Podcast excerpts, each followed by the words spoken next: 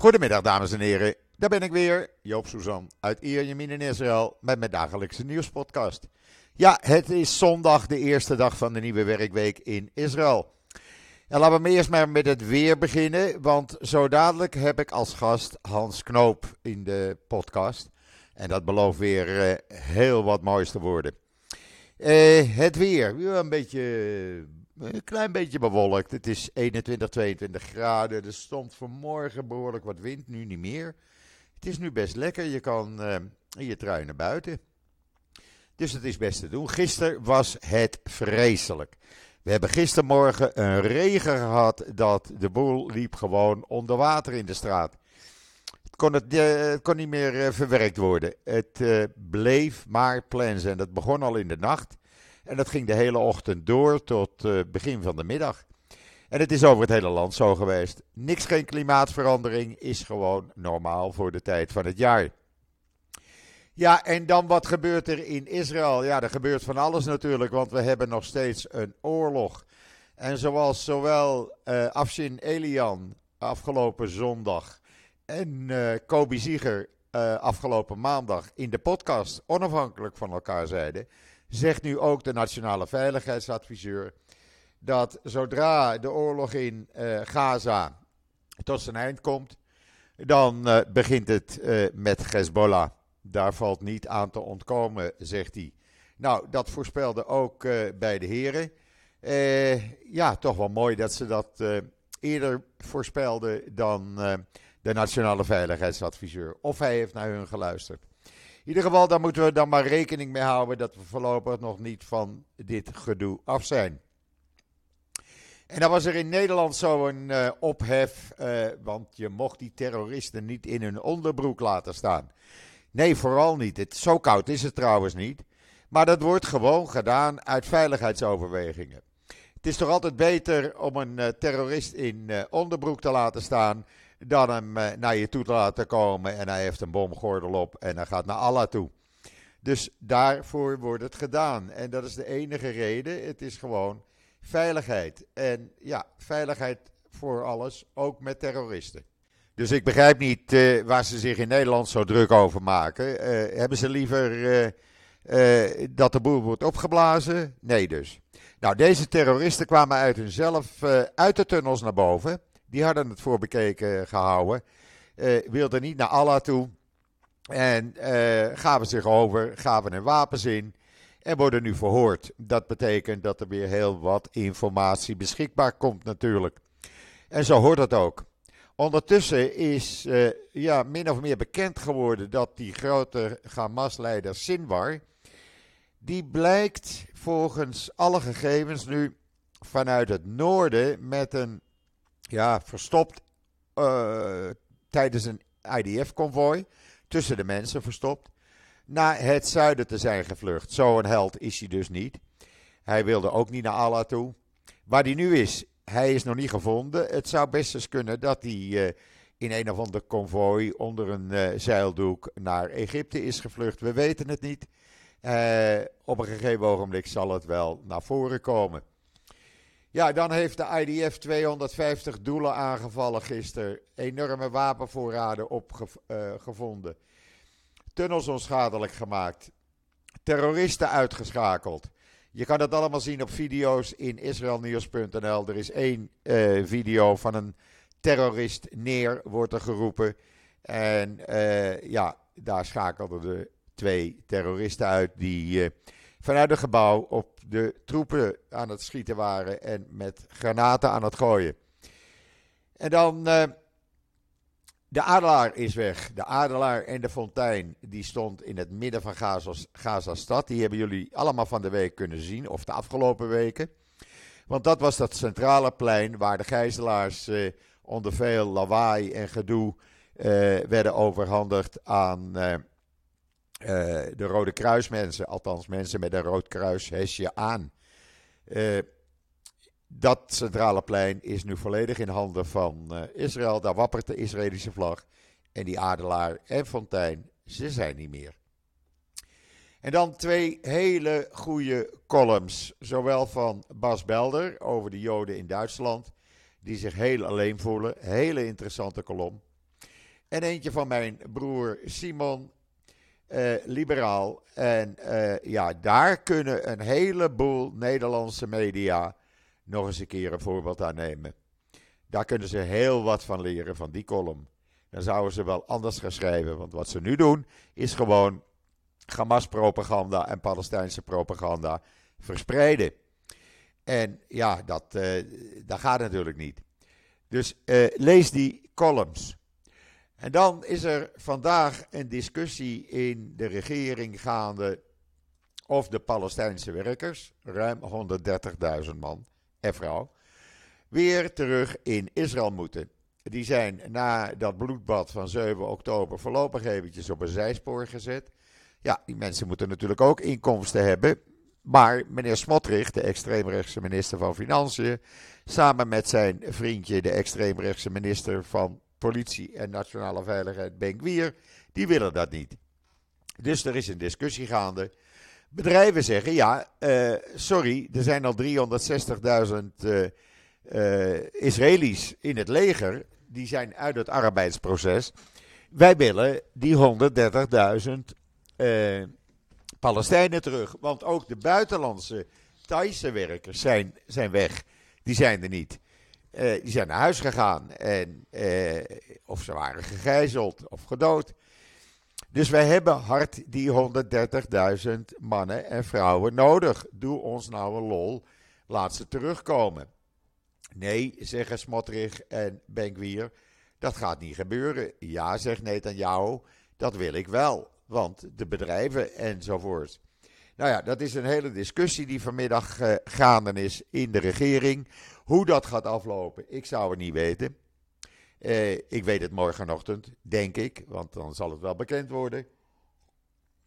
En dan, uh, dan zien we wel wat er gebeurt, want dit kan ook niet. Ik merk het bijvoorbeeld bij ons in de straat, heel simpel. Normaal als ik mijn hondje uitlaat, s morgens om zes uur, kwart over zes, dan zijn er altijd een aantal uh, Palestijnen bezig om de straten schoon te maken. Dat gebeurt niet meer. Nou, dat kan je merken. Want de Israëli's houden het niet bij. dus dat is al een probleem. Maar ook in het productieproces en vooral niet te vergeten het bouwproces. Want daar waren de meeste Palestijnse werkers aan het werk. En ook dat loopt dus allemaal terug. Dus ja, uh, we zullen zien wie er gaat winnen. De extreemrechtse of uh, Netanyahu. misschien worden ze onder beperkingen toegelaten. Misschien niet alle 130.000, maar de helft. Ik weet het niet. We gaan het gewoon afwachten. En dan merken we het wel. Ja, en voor de rest uh, is er natuurlijk iets heel tragisch gebeurd. Want de voormalig uh, stafchef van het leger, IJzenkot, uh, en nu minister in het oorlogskabinet, die verloor afgelopen donderdag zijn zoon. En nog geen dag later, op vrijdag, verloor hij zijn neef uit Eilat. Nou, dat is toch wel een, een leed wat je eventjes binnen 24 uur treft. dus ja, die man, uh, daar heb ik mee te doen. Echt waar. Ik vind dat iets verschrikkelijks. Maar ja, oorlog is altijd verschrikkelijk en niemand zit op oorlog te wachten. En dan waren er oproepen om uh, uh, Israël niet toe te laten naar het Eurovisie Songfestival. Ik zou ervan gaan stotteren zeg. Nou, dat gaat wel gebeuren. De Europese Broadcast Unie heeft gezegd: Israël komt gewoon naar het Songfestival volgend jaar. Klaar. Wij trekken ons niks aan van die oorlog. En dan had Egypte een goed plan. En ik denk dat dat een plan is waar uh, Nederland zich wel in kan vinden, de Nederlandse regering. Wat wil Israël, wat wil Egypte? Egypte kwam met het voorstel, ik heb het ook op social media gezet vanmorgen op Twitter.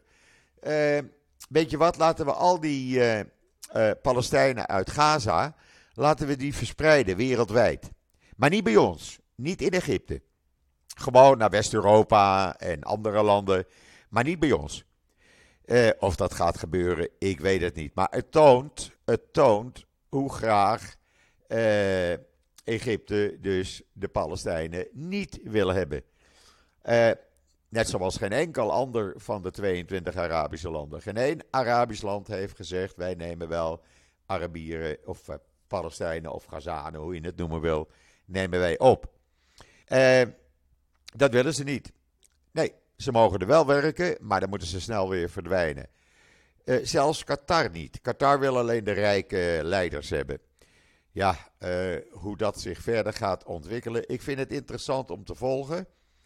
En ik blijf het ook bijhouden natuurlijk, want ik vind dat nogal uh, hypocriet van Egypte. Maar goed, zo zijn ze onderling. En dan ga ik nu kijken of ik uh, Hans Knoop aan de telefoon kan krijgen. En dan kom ik zo bij jullie weer terug. Ogenblikje geduld. Nou, het is weer gelukt natuurlijk. En ik heb aan de andere kant van de lijn Hans Knoop. Hans, goedemiddag. Hoe is het daar? Dag Joop, nou het is uh, voor het eerst in vele dagen ziet het er eruit dat het redelijk mooi weer is. Ik Ah, zie af en toe stukjes blauw aan de hemel. Zo. En dat is heel wat anders dan de bakken met regen. Er zijn hier plassen in Amstelveen. Nou, is dat ik geen hengeltje bij me heb, anders zou ik mijn hengeltje erin uitgooien. Kon je gisteren eh, hier bij mij, in de, vissen. kon je gisteren bij mij in de straat doen? Er waren zulke Ja. enorme buien dat eh, het water bleef gewoon staan. Het was gewoon een rivier Ja, hier geworden. ook. Ja, Ja. dus eh, Maar goed, hier is het normaal. Ja. Hier hoort het erbij. hier ook hoor, in de tijd van het jaar. Maar goed, Hans, Maar verder, is het hier, verder is het hier goed. goed zo, goed zo. Hans, Ik we zie zitten... hier in Buitenveld nog steeds heel veel eh menorahs voor de ramen staan. Goed zo. En er is gisteren een, eh, vanuit Amstelveen is er een hele karavaan van twintig eh, auto's geweest die vanuit het winkelcentrum in Amstelveen in een kolonne naar de Dam zijn gereden met op de daken van de auto's elektrische menorahs. Ah, leuk. En dat alles, dat alles begeleid door de politie en de mensen op straat die de karavaan voorbij zagen komen, die hebben staan te juichen en te klappen. Nou, Dus het is niet alleen maar kommer en het is precies, precies. Nou ja, hier hebben we natuurlijk ook overal menorah staan. Eh, maar de, de Hanukkah-vakantie is toch anders. Mensen kunnen er niet op uit. Een heleboel gebieden zijn afgesloten vanwege die oorlog. En eh, bijvoorbeeld naar het noorden kunnen ze niet, wat ze gewend zijn normaal. Ja, het is allemaal anders. Maar goed, het winkelcentrum is nog steeds vol. Dat weer wel. Eh, dus men gaat eh, daar zijn vertier maar zoeken. Maar Hans, Ja. we zitten nog steeds met die, eh, met die oorlog. En die schijnt voorlopig nog niet voorbij te zijn. Eh, Nee, ik las februari. eh, Ja, eind januari, begin eh, februari. Ja. ja. En volgens Kobe Zieger eh, hebben we dan nog 50.000 mannen en vrouwen nodig in eh, Gaza tot de zomer. Dus voorlopig zijn we, zitten we nog in de ellende. Eh, maar goed, de berichten die we krijgen, het is natuurlijk... Kijk, van Hamas weten we, het deugt niet. Daar klopt geen fluit van, dat is allemaal... eh, eh, het grootste gedeelte is fantasie, wordt klakkeloos overgenomen door NOS en RTL. Maar het klopt niet. De IDF die probeert het zo waar mogelijk eh, weer te geven in de persberichten. Met een videootje erbij, fotootje erbij. Maar ook daar kunnen we niet controleren natuurlijk. Nee, de IDF heeft Gaza afgesloten, ook voor buitenlandse journalisten. Ja. Ik begrijp niet waarom. Daarbij is het in strijd met de conventie van Genève. Het mag niet, tegendeel.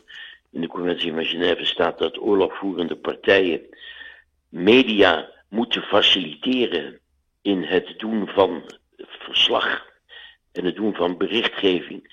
Nou, dat gebeurt niet. Je komt er niet in. Er is maar één eh, network permanent aanwezig in Gaza en dat is Al Jazeera.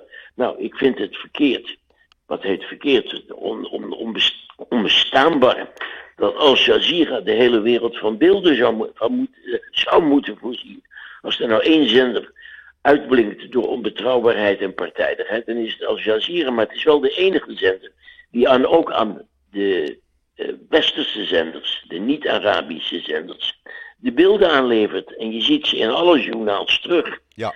Ja, wat de logica ervan is om buitenlandse journalisten te weren in Gaza, is me niet duidelijk. Er zal wel een reden voor zijn. Ik kan hem niet bedenken, althans geen mm, begrijpelijke. De enige reden zou kunnen zijn dat als de Israëlische eh, bevolking dagelijks die afschuwelijke beelden zou zien die Al Jazeera maakt, dat er dan mogelijk minder draagvlak voor het voortzetten van de oorlog zou zijn. Want Joop, het is wel heel erg, laten we dat even heel Absoluut. duidelijk stellen. Vanuit Het menselijk is geen kattenpis. Nee, vanuit menselijk Het is- oogpunt. nee. Mensen zijn alles kwijt. eh, en dan kan je wel zeggen, ja, ze hebben staan juichen op 7 oktober toen de naakte lichamen van de Israëli's door de straten werden gereden. Maar ja, Ja, eh, ja. eh, ze zijn alles kwijt op dit moment. Ja, luister, en dat juichen eh, natuurlijk voor dood en verderf dat er in de gelederen van de vijand wordt veroorzaakt, ja, dat is in iedere oorlog zo. Mijn ouders hebben in de, in de oorlog, in de Tweede Wereldoorlog, ook staan te juichen als Engelse bommenwerpers overvlogen op weg naar Duitsland, die daar hele steden met de grond gelijk maakten. Ja, Eh, die, die vonden dat prachtig. Het was heerlijk om dat te zien, dat er grote hoeveelheden vliegtuigen op weg naar het Roergebied waren. Die daar steden met de grond gelijk maakten. Mijn ouders en niet alleen mijn ouders, men heeft staan juichen. ja, Het is niet wezenlijk niet anders. Ook daar zijn eh, honderdduizenden onschuldige slachtoffers doorgemaakt. Maar men beschouwde het als eh, behorend tot de oorlog. En uiteindelijk Duitsland was begonnen en kreeg zijn verdiende loon. En zo is het natuurlijk hier ook. ja, precies. Hamas Nou, is begonnen en eh, dan moet men ook maar de gevolgen durven aanvaarden. ja, en nu, nu had. Egypte vanmorgen een, eh, een goed plan. Dat maakten ze bekend. Om alle eh, Palestijnen uit Gaza wereldwijd te verspreiden, maar niet in Egypte. Ze mochten, ze mochten wel via Rafah eh, eh, Gaza uit. Maar dan moesten ze zich maar eh, in West-Europa of ergens anders gaan vestigen, maar niet in Egypte. Hoe vind je die? Nou, ik denk, niet, ik denk niet dat ze hier in Amstelveen echt welkom zijn. Nee, ik kan me niet voorstellen dat ze ergens ter wereld met, eh, met open armen zullen worden ontvangen. Maar ja, er moet wel een oplossing Er moet komen. een natuurlijk. oplossing komen. Dit, kan niet heel lang toch meer op deze manier doorgaan. En je ziet ook dan dat de draagvlak heel langzaam minder wordt. Het feit dat Amerika zich nu al uiterst kritisch opstelt. En zelfs voor het eerst sancties heeft aangekondigd. Hè.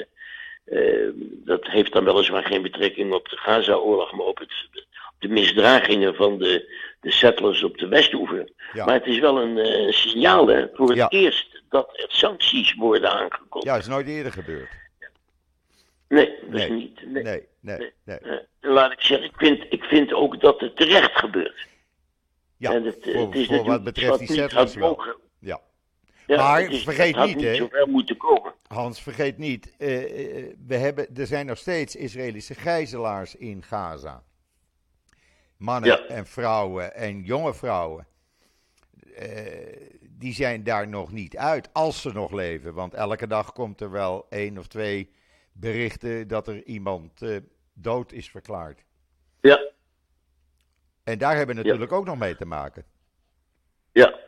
Maar goed, dat is separaat van wat er op de Westhoeven gebeurt. Ja. Die, twee zijn, die, die twee dingen zijn niet gelinkt aan elkaar. Nee, Die gelukkig niet. misdragingen van die settlers die vonden al plaats voor de, voor de Gaza-oorlog. Die, die, dat is al sinds jaar en dag zo dat die zich daar misdragen.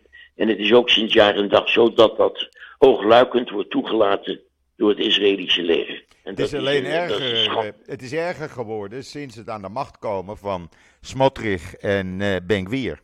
Natuurlijk, het is staatsideologie geworden. Ja. En Het is niet alleen zo dat ze niet worden gearresteerd, de- die settlers die zich misdragen. Als het dan Smotrich en Ben-Gvir zou liggen, dan zouden ze zelfs worden onderscheiden. Ja, Nee, het is, het is rampzalig. En pas op, wat daar gebeurt, leidt onvermijdelijk, daar hoef je geen profeet voor te zijn, ook tot een derde intifada. Dat is een kwestie van tijd. dat die Dit kan Westbank, niet eh, die Westbank Ja, gaat exploderen. Dit gaat ja. mis. Ja, dat gaat Ja, fout. dat kan niet anders. Nee. En dan is de ellende nog veel groter. Want dan zitten ze bijvoorbeeld 9 kilometer bij mij vandaan. Ik noem maar wat. Ja, ja. Hè, Ze toen. kunnen bij Natanja eh, de, de, de staat in tweeën verdelen. Ja, Eh, dat is in het verleden ook al geprobeerd en, en op een haar na gelukt. Uiteindelijk is het niet gelukt, maar het is wel de bedoeling geweest. Het was trouwens de bedoeling al tijdens de, tijdens de onafhankelijkheidsoorlog. ik denk Dus dat ja, die, maar dat eh, ligt die bedoeling De handen van nog. Israël zelf. Die bedoeling hebben ze zeker nog. Ja, hun, hun doelstellingen en hun dromen zijn, eh, zijn onveranderd. Ja, als ik uit mijn eh, keukenraam kijk, eh, kan ik Toel Karen bij helder weer zien liggen.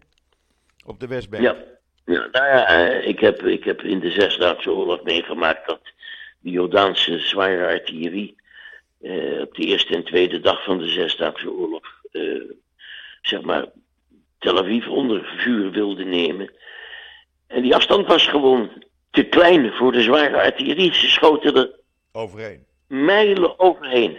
De granaten kwamen terecht in de Middellandse Zee, omdat de afstand ongeschikt was voor de zware artillerie. Ja, ja, kan je nagaan. Eh, dat is een, eh, een levens, levensgevaarlijke eh, situatie. Ja. En ik begrijp ook niet dat Netanyahu, die toch weet waar een derde intifada toe leidt, niet alleen in Israël zelf, maar ook wereldwijd, wat dat voor impact ook weer op de positie van Israël zal hebben, Ja. dat hij dat allemaal leidelijk laat gebeuren. Die man is alleen maar bezig met zichzelf. Ja. Het enige waar hij 24 uur per dag mee bezig is, is Bibi Netanyahu met Bibi Netanyahu. Absoluut.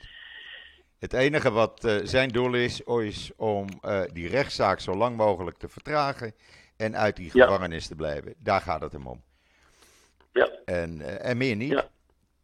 Maar het is afschuwelijk. En ik moet je zeggen, er gebeuren ook op dit moment dingen.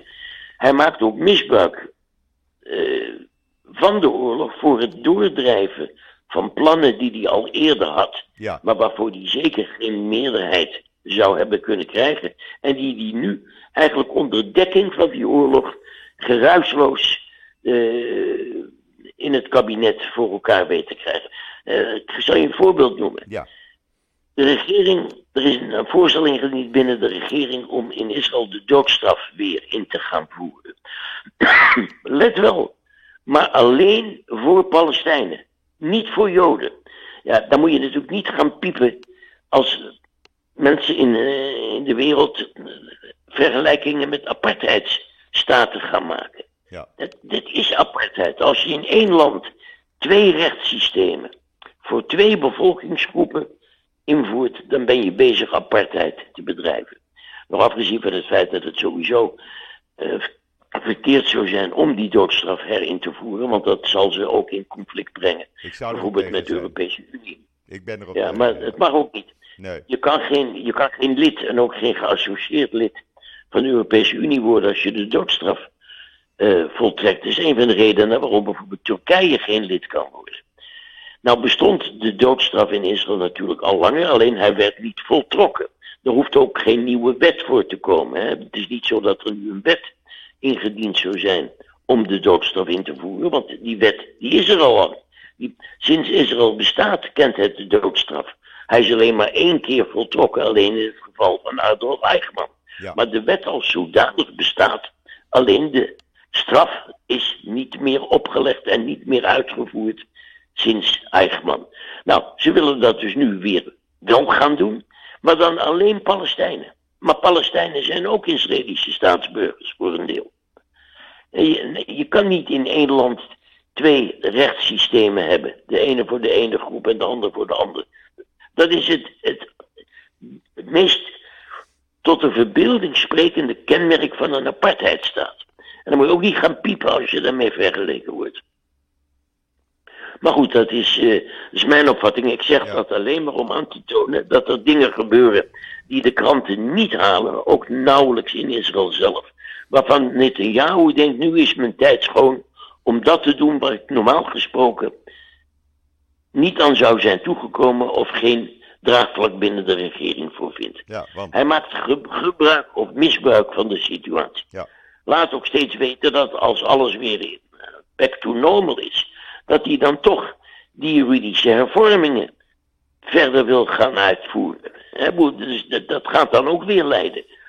Misschien tot massademonstraties van honderdduizenden mensen. En ondertussen gaat het land economisch naar de kloten.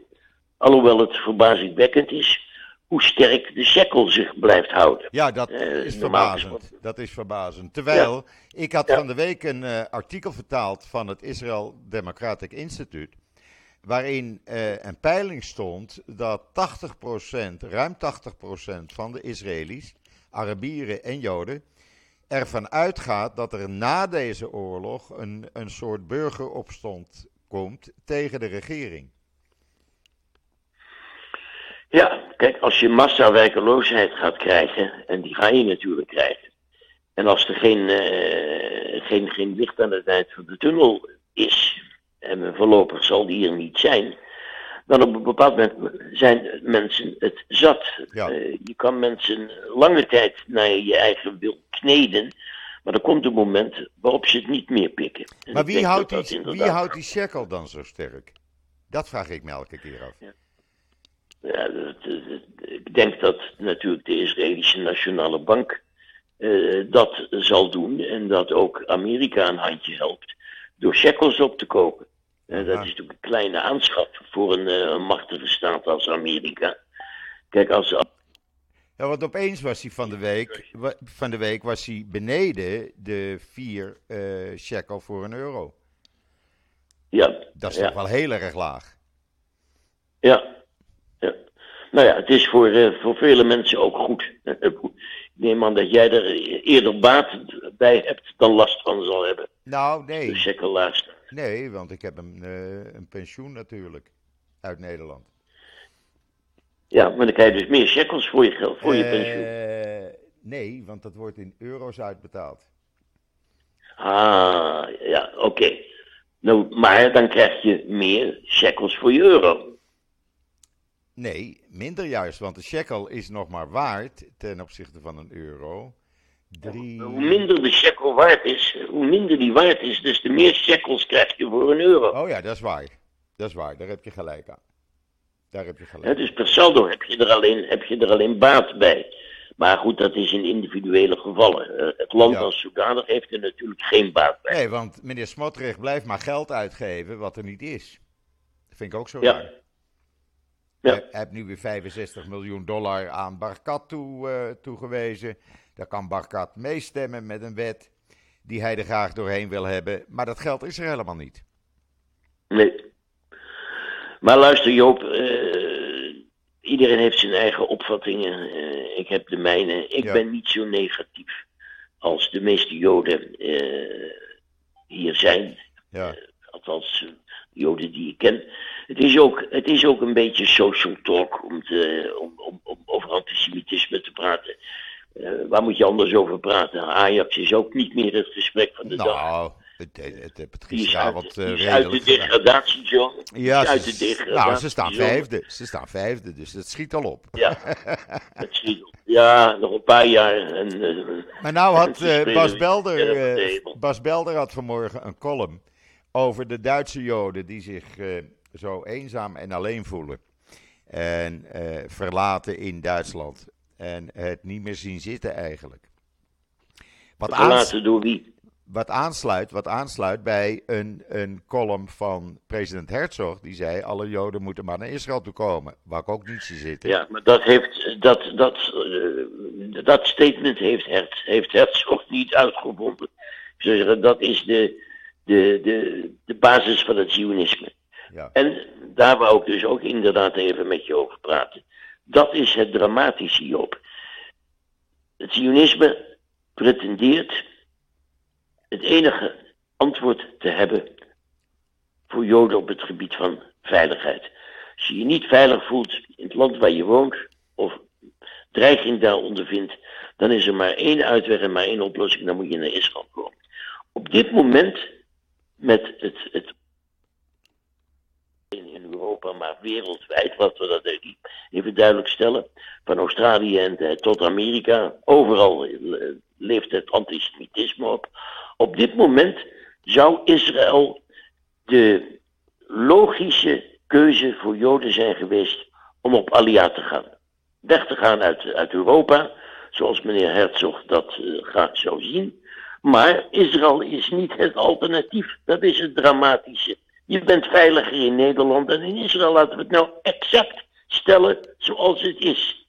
Oké, er zijn eh, zones in Nederland waar je als Jood eigenlijk niet kan verblijven. Je moet niet met een cap eh, gaan lopen, want eh, dat is vragen om problemen. Maar laten we reëel zijn, Joop, er zijn ook in Israël no-go zones. Ook in Israël zijn no-go zones. Je moet ook niet met een keppeltje op in, uh, in Sagnin uh, gaan lopen. Want dan heb je ook een grote kans dat je aangevallen wordt. Je moet ook niet met een keppeltje op in Oost-Jeruzalem. S'avonds gelopen, er is God beter het geen taxichauffeur in West-Jeruzalem die bereid is s'avonds naar Oost-Jeruzalem te rijden. Ook daar zijn no-go zones. We moeten wel de werkelijkheid durven zien. Individueel, ik weet niet hoe het over x jaar is, individueel ben je nog steeds veilig als Jood in Europa dan in Israël. Israël is op het gebied van veiligheid voor Joden het meest onveilige land ter wereld. Er zijn nergens sinds de Tweede Wereldoorlog zoveel Joden vermoord uitsluitend om het feit dat ze Joden zijn als in Israël, als in de Joodse staat. En daarom is het zo vreselijk dat nu er inderdaad zo'n behoefte is aan veiligheid voor Joden, Israël die veiligheid niet kan bieden. Sterker nog, de onveiligheid van Joden in de wereld wordt voor een deel veroorzaakt door Israël. Het is de Gaza-oorlog die Joden in Europa en elders in een onveilige situatie doen. Het is niet de schuld van Israël, maar het is wel een feit dat de onveiligheid van de Joden in de wereld voor een deel het gevolg is van de onveiligheid voor de Joden in Israël, die daar in een afschuwelijke oorlog eh, verwikkeld zijn, waar ze niet schuldig aan zijn. Eh, ik, ik ben niet zo'n propagandaman. Ik, ik ben als journalist opgevoed als iemand die, eh, die, die op afstand moet ruiken wat uh, propaganda is en wat werkelijkheid is. En ik ben een beetje, ja, hoe zeg je dat? Uh, ik word geïrriteerd door propaganda, ook door de zionistische propaganda, want hij klopt niet. Hij klopt absoluut niet, nog af te zien van het feit dat al na de Tweede Wereldoorlog werd voorspeld, bijvoorbeeld dat er in Nederland in 1960 geen Joods leven meer mogelijk zou zijn. Dat zei men in 1945 laten we nog reëel zijn, er is nog steeds Joods leven in Nederland. Het aantal uh, leden van de gemeenschap loopt in aantal niet terug. Het blijft stabiel, constant.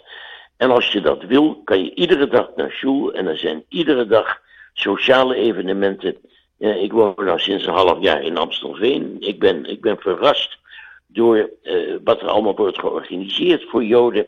Het is nog steeds mogelijk om ook als Jood buiten Israël te kunnen wonen en goed te kunnen leven. Dat denk ik ook. Maar ja, uh, uh, maar ja je moet nogmaals, je moet niet met, je, met een keppeltje op in, uh, in, in gaan rondlopen. Maar ik moet je zeggen dat ik ook niet de indruk heb dat Joden daar veel komen. ik denk dat ze er nog nooit van hun leven geweest zullen zijn. En ze moeten er ook vooral wegblijven, want ze hebben er niks te zoeken. Maar het is natuurlijk wel een schande dat er delen zijn waar je als Jood je niet kan bevinden. Dat, dat, dat zou ja.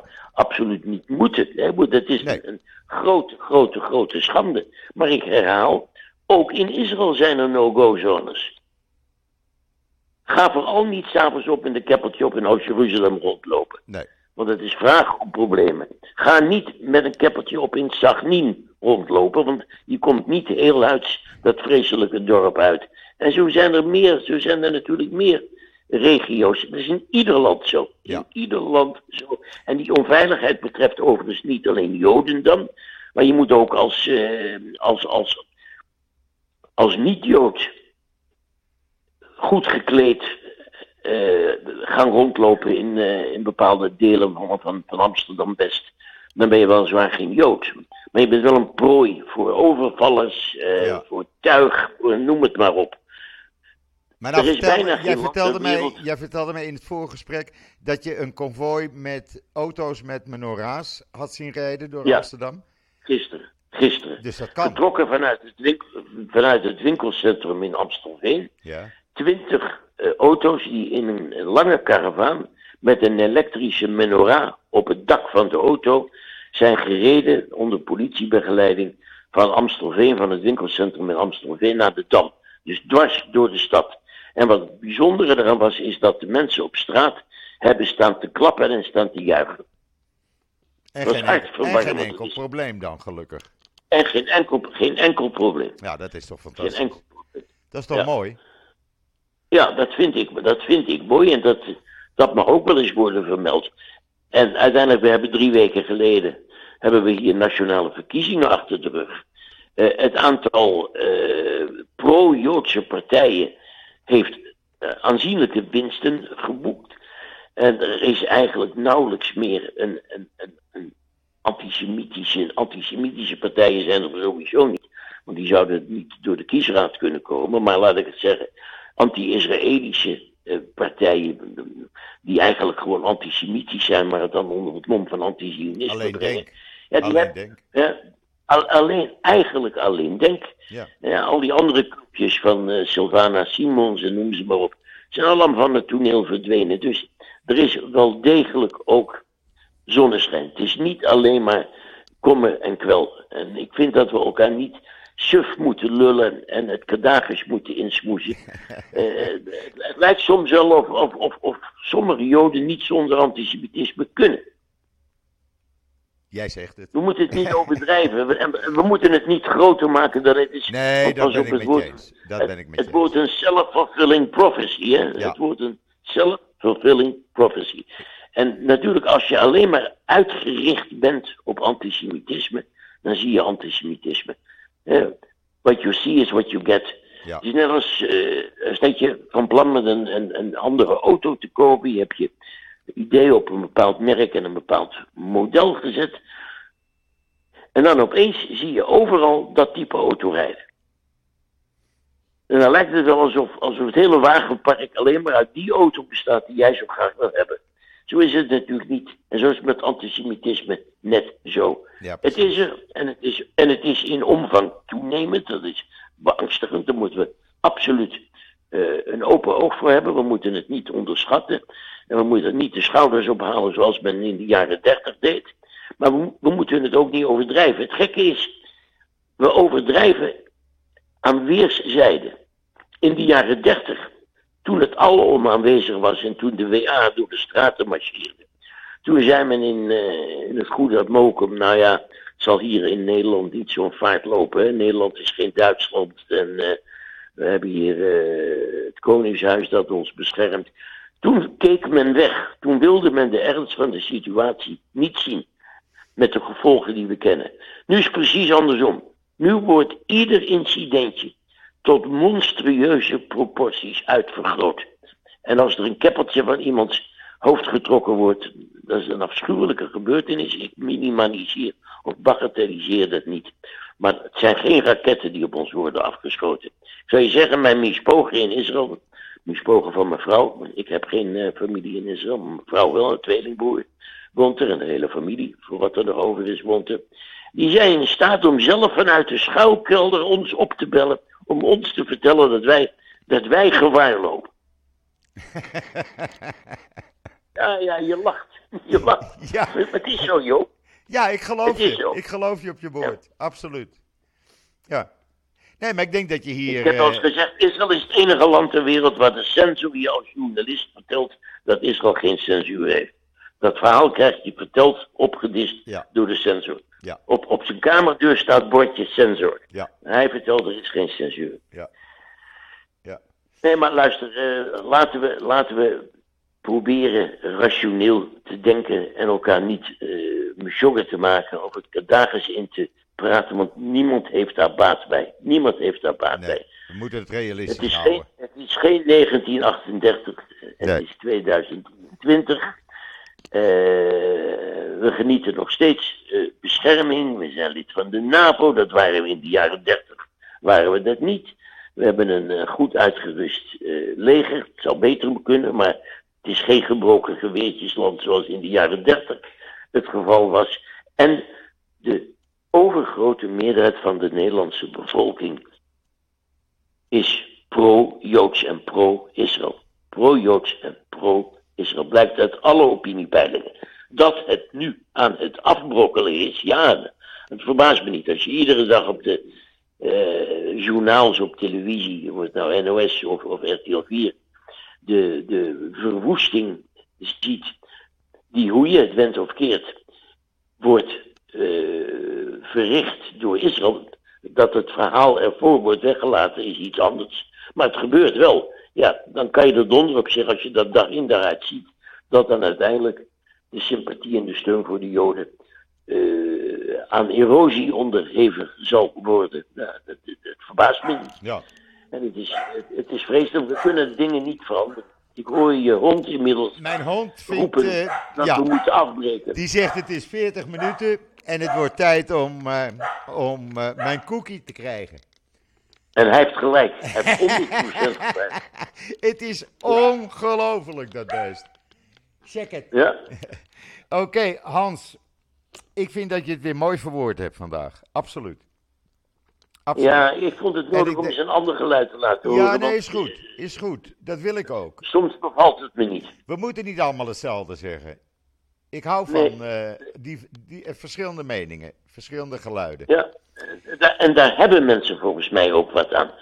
Je moet natuurlijk mensen niet alleen maar in hun gelijk bevestigen en naar de mond praten. Het is heel goed om ze eens tot nadenken te stemmen. Ja. En dan mag je rustig kritische, kritische opmerkingen maken. Als ze Als dat nou gaan een- doen bij de NOS en RTL 4 ook, dan eh, krijgen we al een hele betere verslaggeving. Ja, ik denk, dat, ik, denk dat dat, ik denk dat dat uiteindelijk ook gaat gebeuren. Want ze vinden dit natuurlijk niet leuk. Hè? Dit vinden ze niet eh, leuk.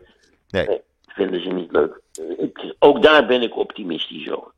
Joop, ga naar je Wij sluiten van- positief af. Wij sluiten positief af. Oké, Oké, Hans, Zeker. weer bedankt en Goed, nog een hele fijne zondag. groeten. Oké, tot ziens. Bye, bye. Goed, dat was eh, een gesprek met eh, Hans Knoop. En eh, ja, ik vond het interessant. En ik hoop dat jullie er ook wat aan vonden. In ieder geval, hij heeft een ander geluid laten horen, zoals hij gezegd heeft. En dat mag ook wel eens een keer. We hoeven niet allemaal hetzelfde te zeggen. Goed, ik sluit af bij deze, want mijn hond wil zijn cookie. Ik ben er morgen weer en zeg zoals altijd: tot ziens, tot morgen.